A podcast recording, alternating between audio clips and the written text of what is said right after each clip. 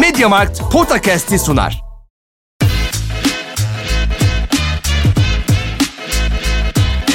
Potakast. Kaan Kural ve Orkun Çolakoğlu'yla NBA gündemine haftalık bir bakış.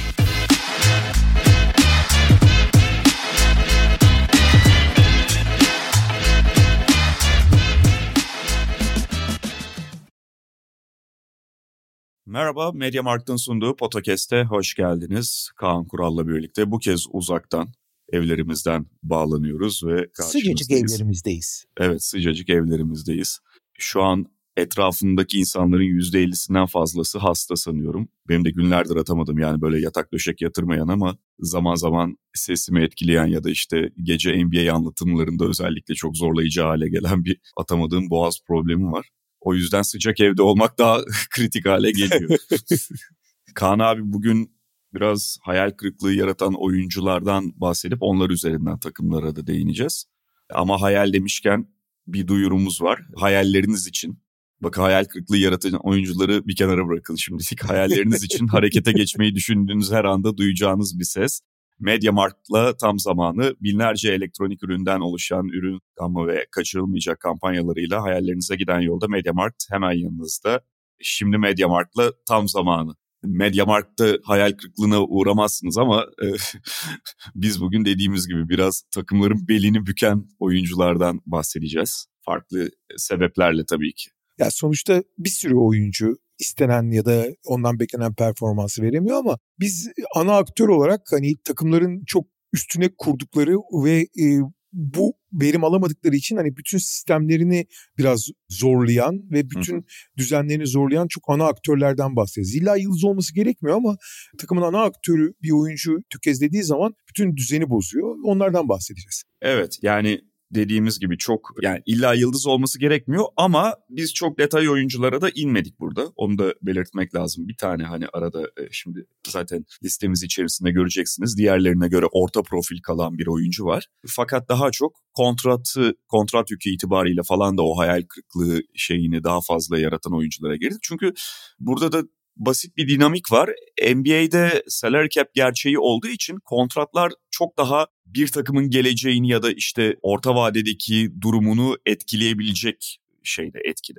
Yani Avrupa basketbolunda ya da işte futbolda vesaire o kontrattan en azından çıkabilirsiniz ya da kontratı bir kenara da atabilirsiniz ekonomik gücünüze bağlı olarak. NBA'de kontratı bağladığınızda kendiniz de bir şeye bağlamış oluyorsunuz çok büyük ölçüde. E, takas edilememesi de bir kontratın mesela ki bu listedeki bazı oyuncular için de geçerli. Sizi daha da limitli hale getiriyor. Dolayısıyla bütün planlamanızı bozabiliyor ya da işte sekteye uğratabiliyor. Bu tip etkileri var.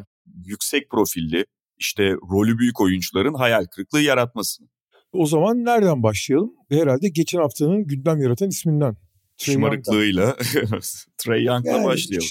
Şımarıklığı bir de yani tabii olayın basına yansıması. Yani olayda şey işte Nate Trae Young omzundaki sakatlık nedeniyle şut idmanına katılmıyor. Nate McMillan da işte takım kuralları gereği şut idmanına katılmayan bench'ten gelir diye işte bench'ten ge- geleceksin diyor. Trae Young da ya sakatım hani o yüzden katılmadım. İşte maç öncesinde bakacağım eğer durum iyiyse oynayacağım diyor. O zaman bench'ten gelmeyeceksin hiç gelme diyor. Maça hiç gelme diyor. Ve şey o bu olay da basına sızdırılıyor.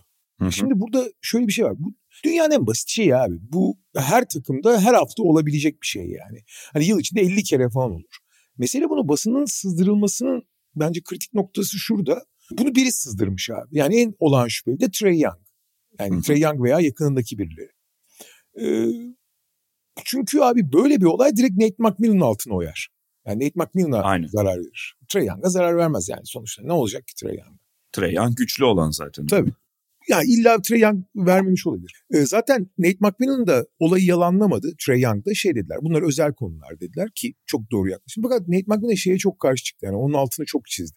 Ben asla bir oyuncuya maça gelme demem dedi. Hı hı. Yani öyle bir şey asla ağzımdan çıkmaz dedi. Bu da aslında birinin Nate McMillan'a karşı bir hareket yaptığını da gösteriyor. Yani olayın öyle yansıtılması. Hani biraz sos katılarak yansıtılmış. Şimdi orada sorun olduğunu biliyoruz ama mesele Hani Trey Young'ın bu hani onu çok özel kılan işte gerek New York karşısında gerek Philadelphia karşısında hani bütün ki NBA'in belki de en ateşli iki tribünü yani Philadelphia ve New York. O tribünleri karşısına almayı göze alacak ve onlara karşı ayakta durabilecek yani fiziğinden çok daha büyük bir yürek gösterip hani herkese karşı kafa tutabilecek hali hani işleri iyiyken iyi de işler kötüyken çok ters tepebiliyor karşıya karşı çıkması. Ve Young bu sene gerçekten kendi standartlarının çok altında oynuyor. Zaten Atlanta'ya bakarsak hani hücum verimliliğinde ligin diplerindeler. Young çok kötü şut atıyor. %30'la şut atıyor, şut atıyor. Topsuz oyunu hiç hemen hemen gelişmedi. Dejounte Murray ile birlikte topsuz oyun da olacak deniyordu. Hı hı. Ve tek başına yani Trae Young sadece varlığıyla bile bir takımın ortalama üstü hücum yapar şeyini ne derler mottosunu ya da kendi üzerindeki etiketi tamamen kaybetti gibi bu sene. Ha hala çok iyi bir pasör. Hala işte uzunları falan çok iyi kullanabiliyor. Hala iyi organize ediyor. Ama şut atamadığı için ve Atlanta'da takım olarak ciddi şut problemi yaşadığı için işte Hurter ayrıldıktan sonra Hurter ile Gallinari ayrıldı. Bogdanovic daha iki maçtır doğru düzgün oyna, oynamıyor bile. Ciddi şut problemi olan bir takım olduğu için sürekli orta mesafe atan ligin en verimsiz hücumlarından biri. Ligin en az üçlük deneyen en az üçlük deneyen ikinci en kötü yüzdeyle atan gene ikinci takımı. Abi o Lakers'ın ilk dört maçını çıkarırsan ki Lakers biliyorsun korkunç atarak başlamıştı. Hı hı. Ligin en kötü üçlük atan takım. Abi 2022 basketbolunda bu kadar az ve bu kadar kötü yüzdeyle üçlük atarak nasıl hücum edeceksin abi?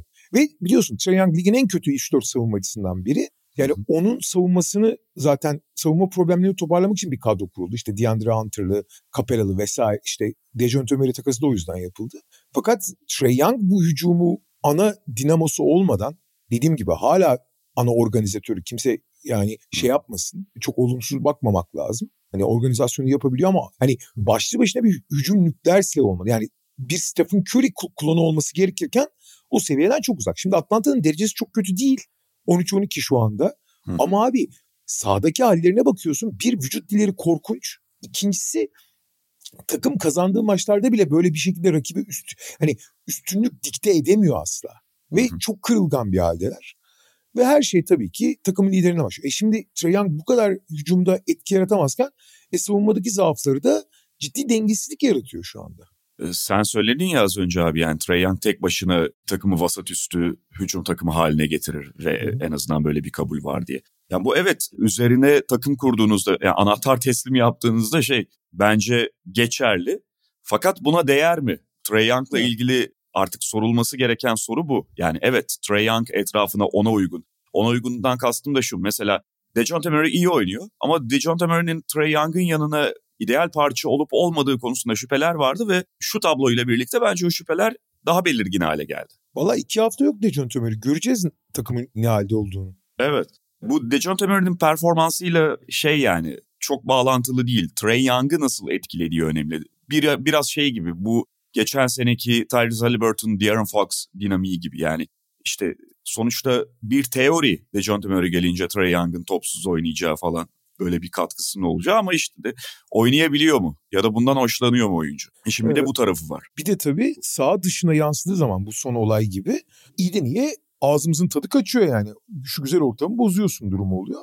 Öyle. Yani sağdaki vücut dili korkunç ya yani Atlanta'nın. Hani bir Minnesota seviyesinde olmasa da kötü yani. E şimdi John Collins de çok mutsuz mesela zaten. Hani geçen seneden beri mutsuz da en azından oyunuyla unutturabiliyordu ya da işine bakabiliyordu sahada. Ve dediğim gibi yani Trey Young tabii ki etrafına ona uygun parçalarla bir takım kurulduğunda evet sizi bir anda atar ortalama üstüne. Hatta ligin en iyi hücumlarından biri haline de getirebilir ama bu tek başına bir şey değil ve Trey Young'ın üzerine bu kadar her şeyi kurmak, Trey Young'ı koşulsuz şartsız bir numara yapmak çok ileri hedefleri olan bir takım için geçerli çözüm mü? Çok ciddi o konuda evet. şüpheler var artık. Abi sonuçta o yola girdin bir kere. Yani o yolu sonuna kadar gitmezsen gidebileceğin başka yol yok. Yani takas mı edeceksin abi adam? Yok bir şey demiyorum. Yani şu anda evet o kararı vermesi kolay değil Atlanta'nın. Ben sonuçta bana konuşmak kolay. Ama yani bu kadar savunmada zaaf yaratan tamam her yıldız çok çok iyi savunma yapmıyor falan bazılarını maskelemek durumunda kalıyorsun ama bu kadar sırıtan oraya takılmadığını belli edebilen ve sonuçta öyle ya da böyle mesela geçen sene de şeyde playoff'ta çok baskılanmış bir oyuncudan bahsediyoruz. Baskılanmış biraz iyimser oldu. Evet.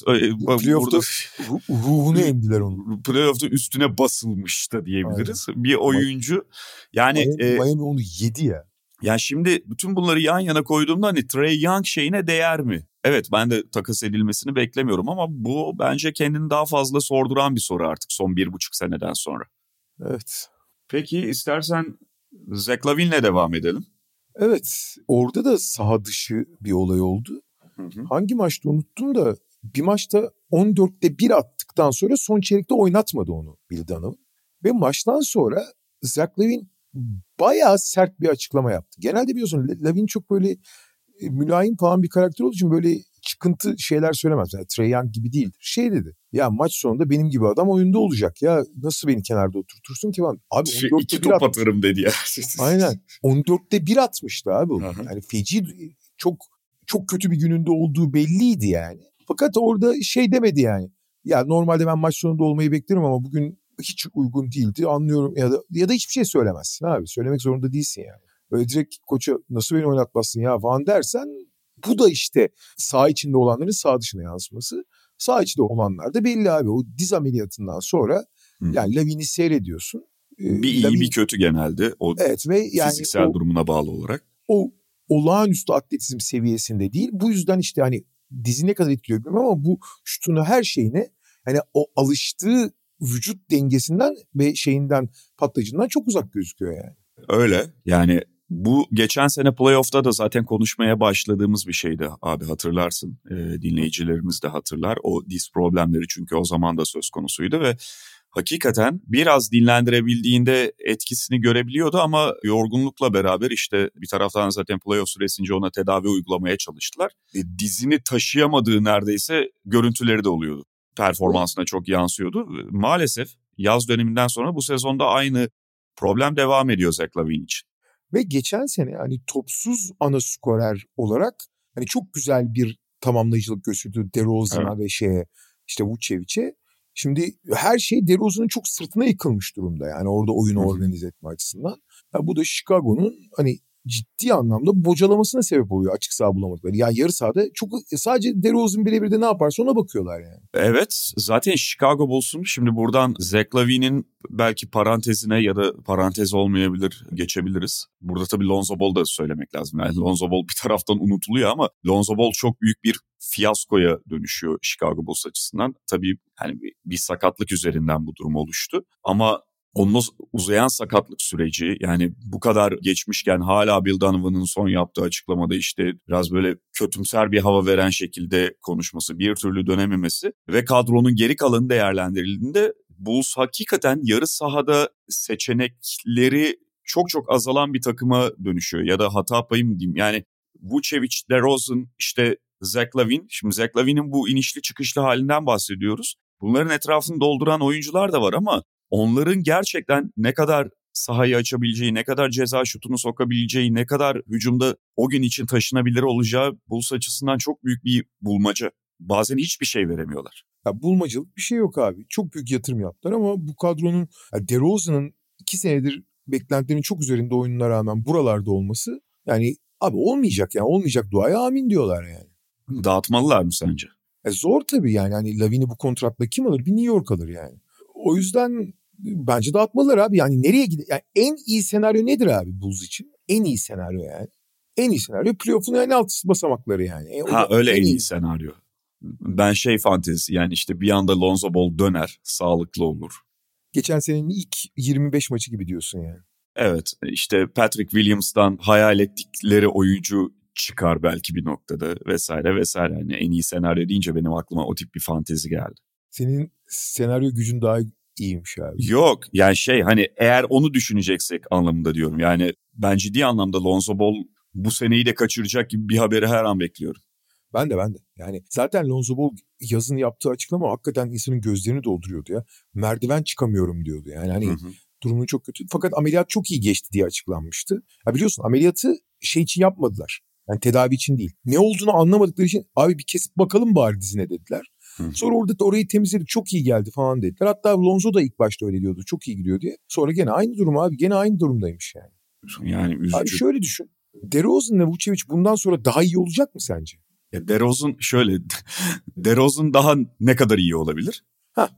Yani ve her geçen gün yaşlandıkları için yaş itibariyle daha kötüye gitmesini bekliyorsun normal şartlarda. Ki, Tabii Vucevic'in daha iyi olacağı da işte mesela Vucevic sürekli %40'la falan şut atarsa yani tamam o da elbette önemlidir ama e, savunmada da her zaman üzerine gidilecek oyuncu olacak. Yani bu rakiplerin Vucevic'i hedeflediği de bilinen bir gerçek artık.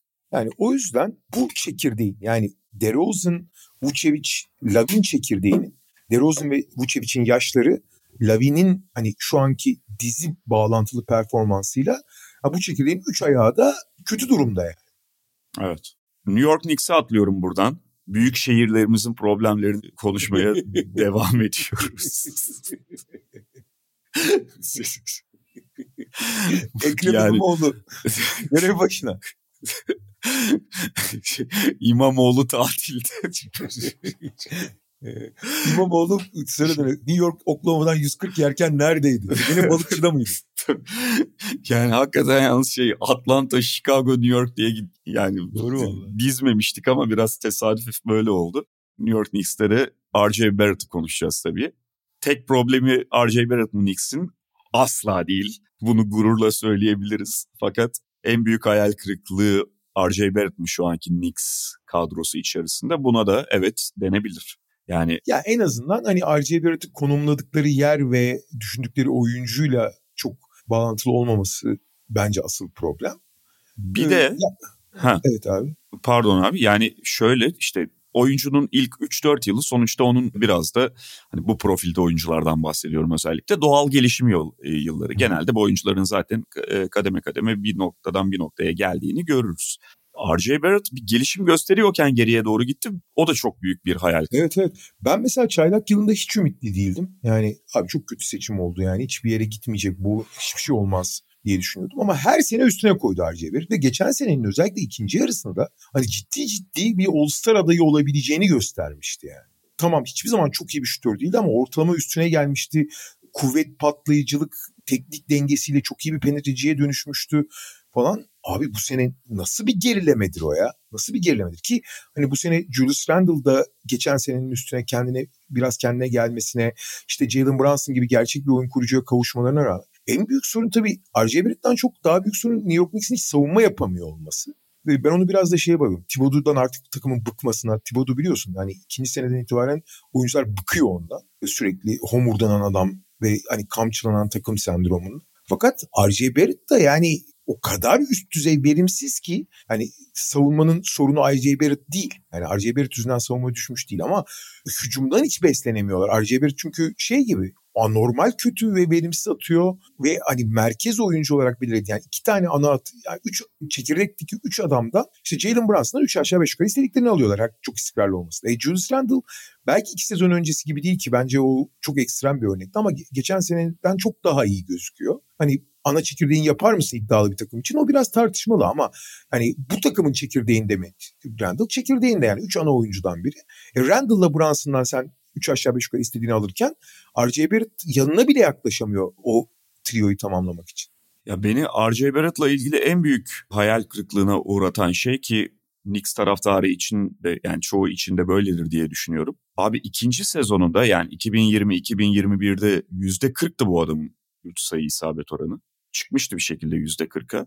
Şey %28 şu anda. Korkunç ya. Yani bir de şey de çok kötü abi. Gerçi son iki haftada da biraz daha iyi gözüküyor Barrett yani. Ki zaten daha kötü nasıl olsun ayrı konu da.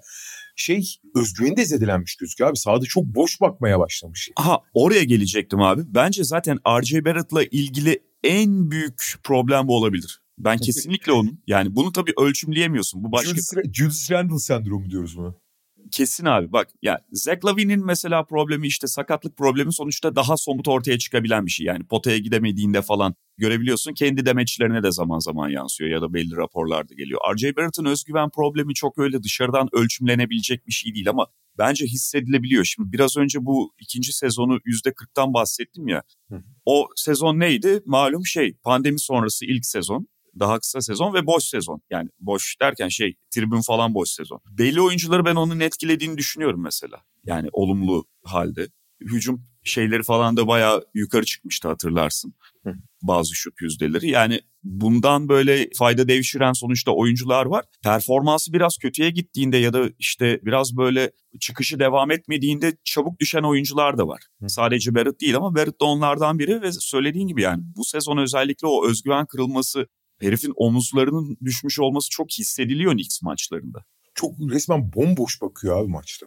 Ve yani sonuçta tamam bir taraftan insan üzülüyor ama bu da bir mazeret değil bir sporcu için elbette. Kaldırması gereken bir durum bu. Hatta yani bu kadar üzerine yatırım yapılan, bu kadar bel bağlanan bir oyuncunun bu durumu kaldıramıyor olması, bu kadar kırılgan gözükmesi de onun adına çok kötü not elbette. Daha kariyerinin başında olabilir ama şu ana kadar bu baskıyla başa çıkabileceği yolunda fazla şey gösteremedi maalesef RJ Barrett. New York'ta olmak da zor yani. Yani başka bir şehirde olsa belki bir tık daha iyi olabilir. Abi öyle de yani e, bir taraftan da şu var. Yine bana konuşmak kolay ama yani Knicks de artık o kadar uzun süredir zaten belli bir seviyenin üzerine çıkamadı ki ya da çıktığında da bu tek seferlik oldu. Tamam yani siz RJ Barrett ya da başkası için söylüyorum bunu. Omuz Julius Randle için de aynı şey geçerli. Yani omuzlarınızda da şey yükü yok. Michael Jordan'dan Kobe Bryant'tan sonra gelmediniz abi siz.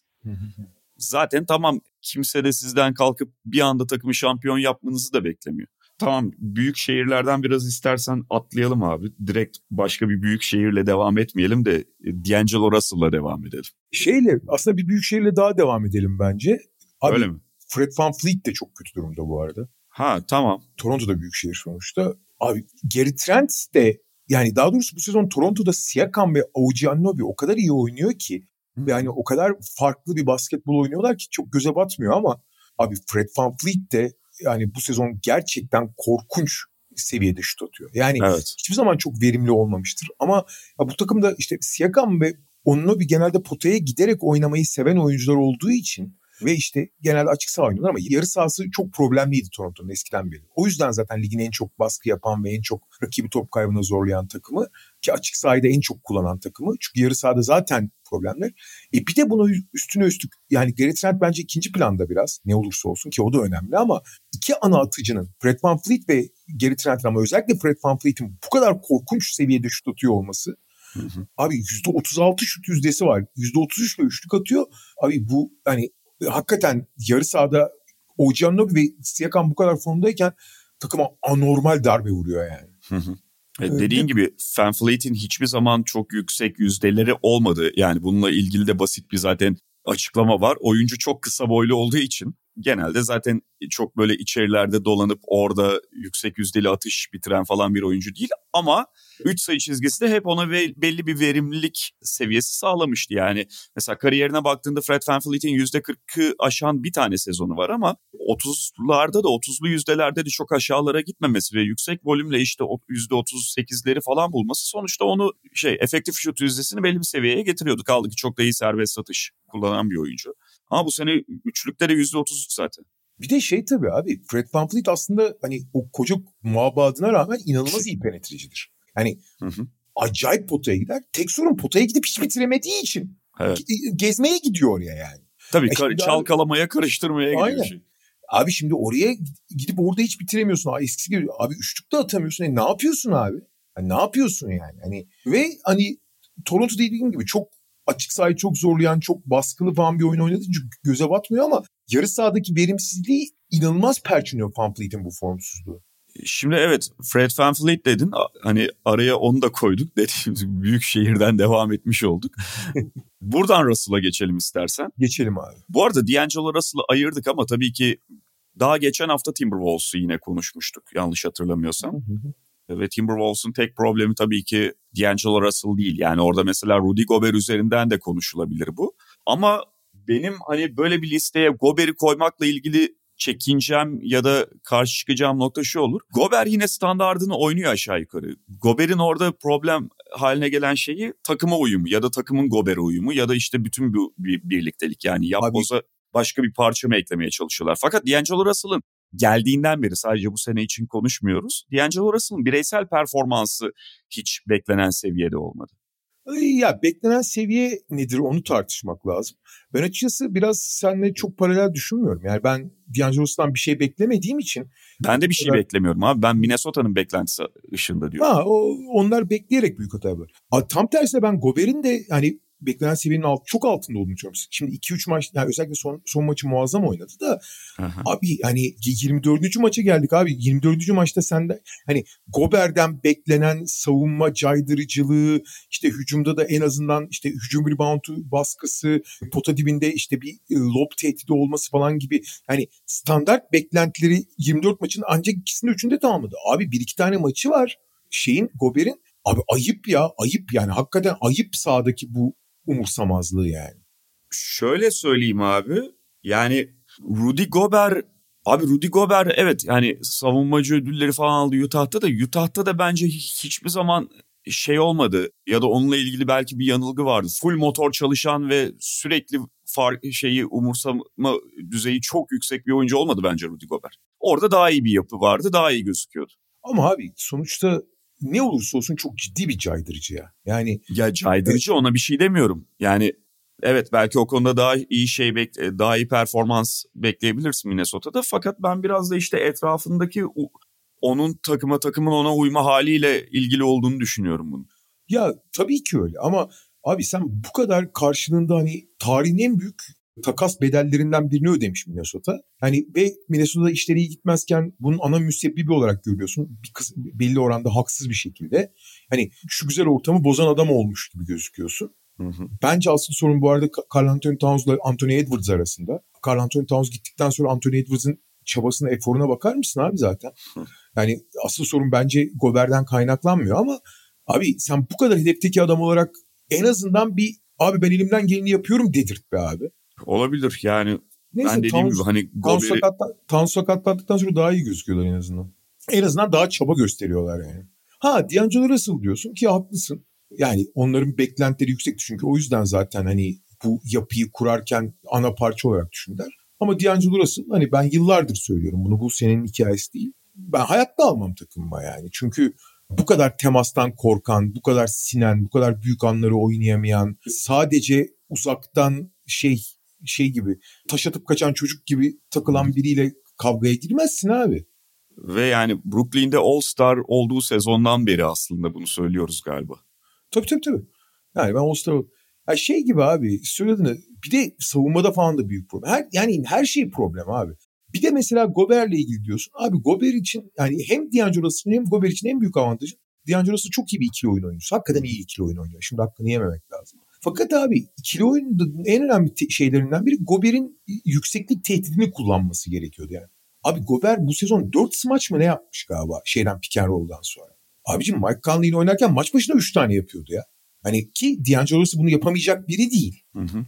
Conley zaman içinde çok uyum da sağlamıştı falan değil. Ama maç başına bir tane yaptır be abi. Ne oluyor yani? Bu D'Angelo'sun da işine gelir yani. Onun da hayatını kolaylaştırır ama hiç. D'Angelo'sunu biliyoruz yani.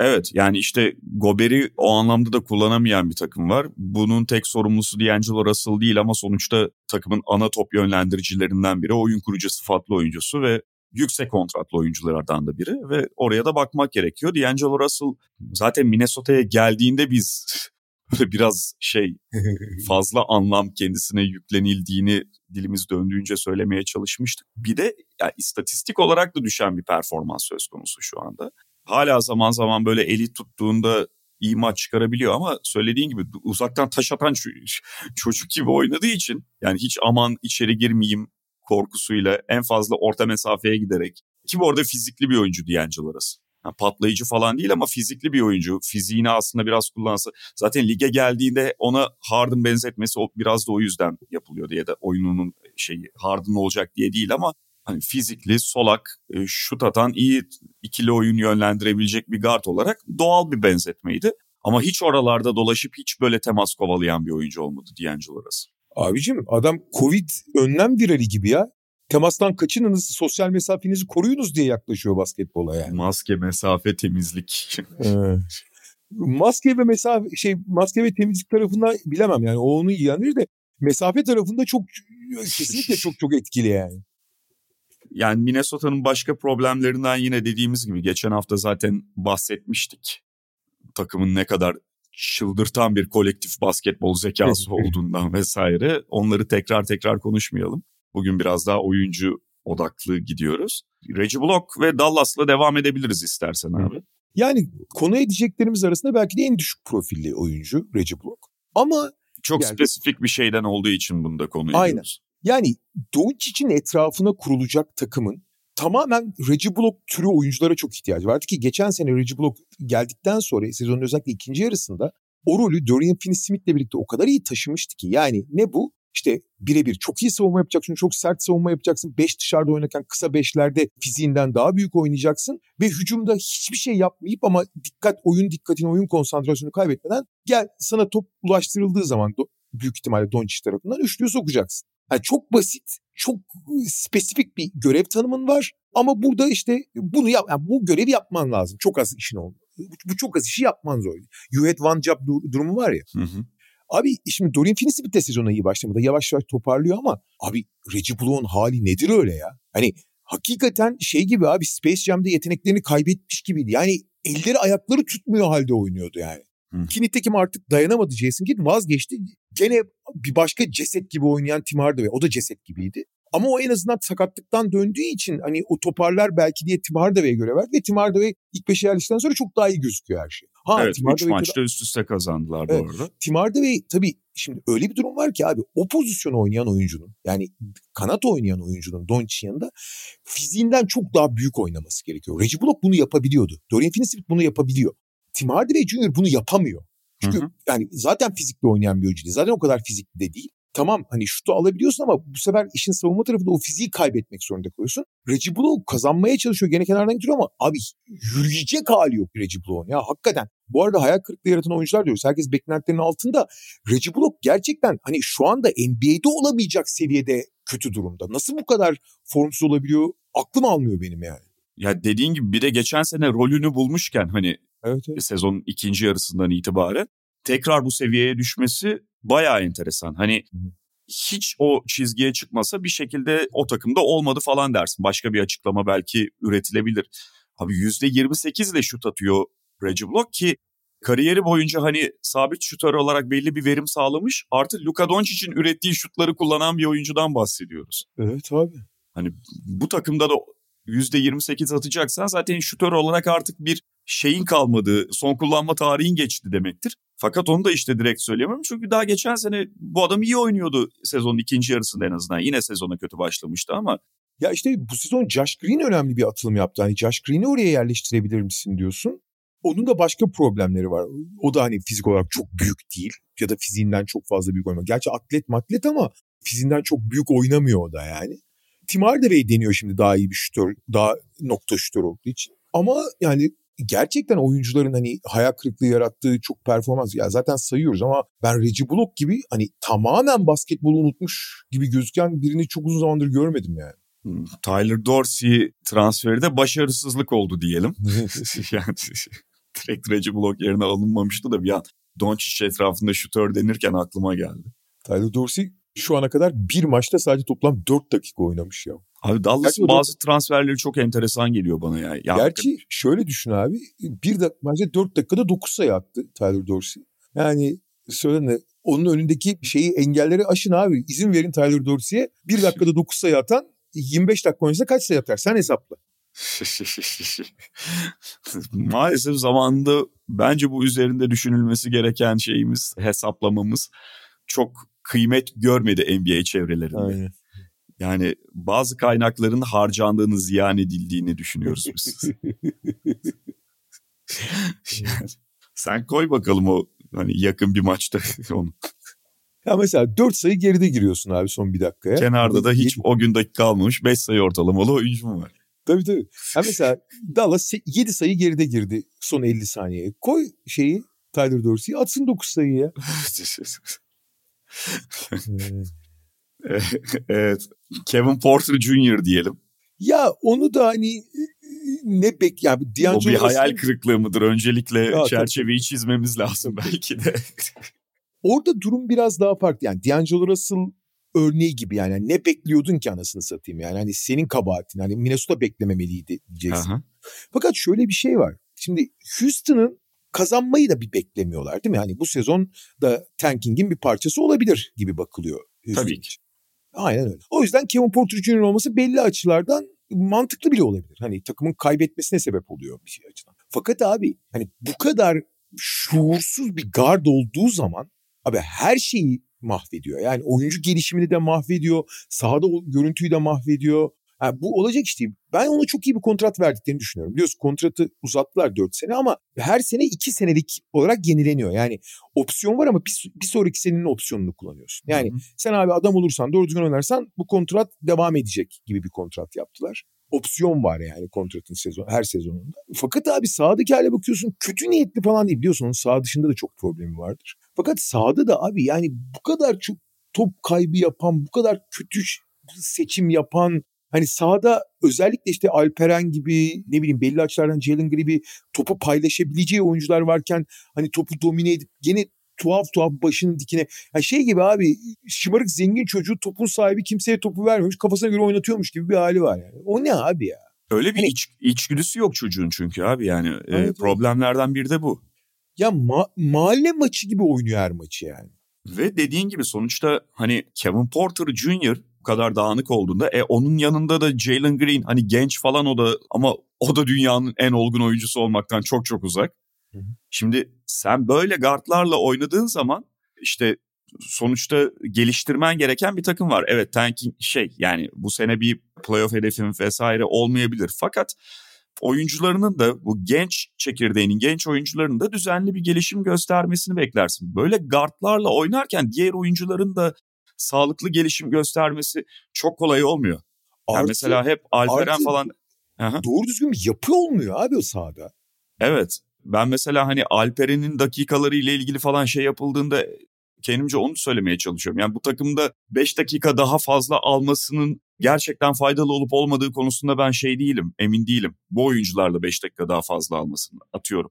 Veya işte sonuçta yine e, yukarıdan seçtiğim bir oyuncu söz konusu Jabari Smith. Onunla ilgili de bir hayal kırıklığı olabilir ama sen Jabari Smith'i en sağlıklı ortama koydun mu bir kere? Abi olabilecek en sağlıksız ortamda tam tersine. Çünkü Jabari Smith'in en büyük sorunu topla hiçbir şey üretemiyor Jabari Smith. Ona öğretilmesi lazım. Ona üretilmesi lazım. Abi üreten adam başta Kevin Porter Jr. olunca ki Kevin Porter Jr. da diğer üretebilecek olan Jalen Green ve Alperen'le hiç paylaşmıyor topu. Yani ya da doğru zamanda doğru şekilde paylaşmıyor. Sağda zaten bir yapı yok. Bir karman çormanlık gidiyor. Abi yazık. Yani Alperen'e biz tabii Türk oyuncu olduğu için belli açılardan yazıyoruz. Jalen Green'e belli açılardan. Esas, esas en büyük yazık yani diğerlerinin üç katı yazık Jabari Smith'e ya. Evet. Yani olabilecek en kötü durumda şu anda. Bir de zaten Jabari Smith sonuçta çaylak. E, üstündeki baskı da daha fazla. Üçüncü Daha sıra fazla seçimi. üçüncü sıra seçimi olduğu için. Artı korkunç derecede kuvvetsiz bir oyuncu. 2-3 seneye tabii ki yani NBA temposunda alışınca biraz daha çok kuvvetsiz olduğu için zaten çok itilip kakılıyor sahada. Abi şey gibi ya yani rakipten dayak yiyor kendi arkadaşlarından da dayak yiyor bir taraftan. Başta Kevin Porter Jr. olmak üzere. Yani işte gençleri böyle boca edelim şeyi de her zaman iyi sonuç vermiyor. Yani hata yapacaklar falan o esnekliği sağlıyoruz. Evet bu bir taraftan güzel bir şey de hiçbir kontrol olmayınca da o beraberinde her şeyi aşağıda çekebiliyor ya da bir tavan da koyabiliyor aslında diğer oyuncuların gelişimine. Ve listemizin son oyuncusu şimdi bir buçuk senedir falan artık bu durumu kanıksandı belki ama sonuçta hala bu kategorinin hayal kırıklığı yaratan oyuncular listelerinin önde gelmesi gereken oyuncularından biri Russell Westbrook isimlerinden biri. Her ne kadar son dönemde nihayet Lakers ona bir rol bulmuş olsa da biraz daha o rol içerisinde verimli gözükse de Russell Westbrook sonuçta kontratıyla kıyaslandığında alınan verimin yeterli olmadığı ve geldiğinden beri de ciddi bir problem halinde olduğu Lakers'ı aşağı çeken faktörlerden biri olduğu ortada Russell Westbrook'un. Son dönemde ama artık onu bench'ten getiriyorlar. Şöyle düşünelim hani o takasta işte Kentavius Caldwell Pope ve Kuzma verilmeyip Lakers'da kalsa daha mı iyi olurdu? Muhtemelen daha iyi olurdu. Bence kesin. Yani hatta onunla birlikte sadece takası değil elde tutulamayan Alex Caruso'ları falan da değerlendirmek Doğru, gerek. doğru, doğru, doğru. Ee, ki şampiyon olan kadro, şampiyon formülü böyle dağıtmak e, hangi akla hizmet? Büyük oranda LeBron'un aklına hizmet. Rob, yani Rob Pelinka'ya çıkıyor fatura ki Rob Pelinka da masum değil ama yani LeBron'un kabahati o. Hı hı. Şöyle söyleyeyim. Şu anda yalnız Westbrook için yani Westbrook'un şu anki hali için bence görece ideal bir senaryo bulundu. Çünkü Westbrook gelirken de en azından teorik olarak düşünce işte LeBron artık bütün sezonu kaldıramıyor. Ana yönlendirici olarak işte e, gerek LeBron'la yan yanayken biraz LeBron üzerinden gerek LeBron yokken hani oyunu yönlendirecek işte saldırgan oyunuyla takımı yukarı çekecek bir parça olmasıydı. Ama bu playoff'ta hiçbir işe yaramayacaktı ayrı konu. Ama normal sezonda en azından LeBron'un üzerindeki yükü almak üzerine kurgulanmıştı. Hani teorik olarak çok da kötü değil bu fikir. Yani bir sürü olsa da. Fakat işte özellikle bu geçen sezonda pek olmadı ama bu sezon başında ciddi özgüvenini de kaybetmiş felaket şutatan Westbrook yani hiç olmuyordu orada. Bench'e alındığı zaman özellikle rakip benchlerle de oynadı. Yani rakiplerin de en iyi oyuncuları oynamadığı zaman tekrar bizim bildiğimiz Westbrook gibi yani şuursuzca potaya saldıran, takımı sürükleyen, açık alan bulan tabii ki eski gücünde olmasa da bunları yapabilen bir Westbrook oldu ve görece hani bu büyük zararı bir miktar telafi edebilecek bir yapı kuruldu. Hı hı. Ama bu sadece hani çok geçici ve çok sınırlı bir yani çözüm de değil aslında. Bu pansuman yani sadece. Öyle ama en azından bu durumda yani şu anda olabilecek en iyi kullanımı Russell Westbrook'un söylediğin Kesinlikle. gibi. Ha bir de şey var. Westbrook'ta e, herhalde daha az oynamak, kenardan gelmekten dolayı daha konsantre. Mesela savunmada falan çok dikkatli. Hiçbir zaman iyi savunmacı olmadı Westbrook ama çok fiziksel olarak çok atlet ve güçlü olduğu için hani dikkatli olduğu zaman en azından savunmada eksi yaratmama görece çok az eksi yaratıyor. Hatta bazen top çalma veya işte topa baskı konusunda falan olumlu bile olabiliyor yani. Aynen öyle. Ya işte şey var abi. Yani sonuçta bu Russell Westbrook'un bench'e çekilmesinden bundan sonra Lakers adına büyük bir başarı hikayesi çıkmayacak. Yani Yok. şampiyonluğa giden yolun dönüm noktası falan gibi anlatılmayacak bu seneler sonra da. Akla şeyi Ya şey gibi abi kendi kolunu kestin şimdi bandaj yaptın. İyi de abi hani kesmeseydin Evet. yani. kesmeseydin yani ve bandaj yaptığı zaman iyileşmedin abi kesip duruyor hala yani. Evet evet yok şeyi söyleyeceğim yani sonuçta bu oyuncuları ikna etmenin mümkün olmadığını da biliyorum. İşte program başlarken de Trey Young'ı ve onun bir tane maçta kenardan gelme üzerinden çıkardığı arızayı da konuştu. Ama yani bütün bu belli kalibredeki oyuncuları ilk beş başlatma zorunluluğunun NBA'de yazısız zorunluluğunun hani sakatlıklarla falan ya da işte yaşı ilerleyip artık buna gönül indirmediği sürece ne kadar fazla takım için büyük bir ayak bağı olduğunu da bir hatırlatıcısı Russell Westbrook olayı. Yani bazı oyuncuyu da kenardan getirirsin ve çok daha takım içerisinde dengeler oturmuş olur. Ama zorladığın zaman "Aa, ilk beş çıkması lazım abi mecburuz falan yaptığın zaman patlıyorsun. Ya aklım şeye gidiyor mesela hani onlar başka bir şekilde kaldı ki kendi aralarında uyum sağlayabilirdi ama San Antonio mesela Ginobili'yi biz ilk beş başlatmalıydık mecburiyetiyle hareket etseydi ne ortaya çıkardı acaba? Yani buradan dediğimiz gibi hani büyük bir başarı hikayesi çıkmayacak bu saatten sonra ama en azından biraz daha eli yüzü düzgün bir şeye dönüştüğü de ortada Lakers'ın ki şu son iki maça kadar da zaten belli bir çizgi yakalamışlardı. Şey Anthony Davis'in hastalığı LeBron'un ikinci maçta oynatılmadığı son iki maça kadar. Ha orada bir, tabii ki Anthony Davis'in de delice bir performansı var iki haftayı aşan süredir. Ama işte mesela o performansı da Russell Westbrook'un kenardan gelmesi sonuçta belli ölçüde katkı sağlıyor.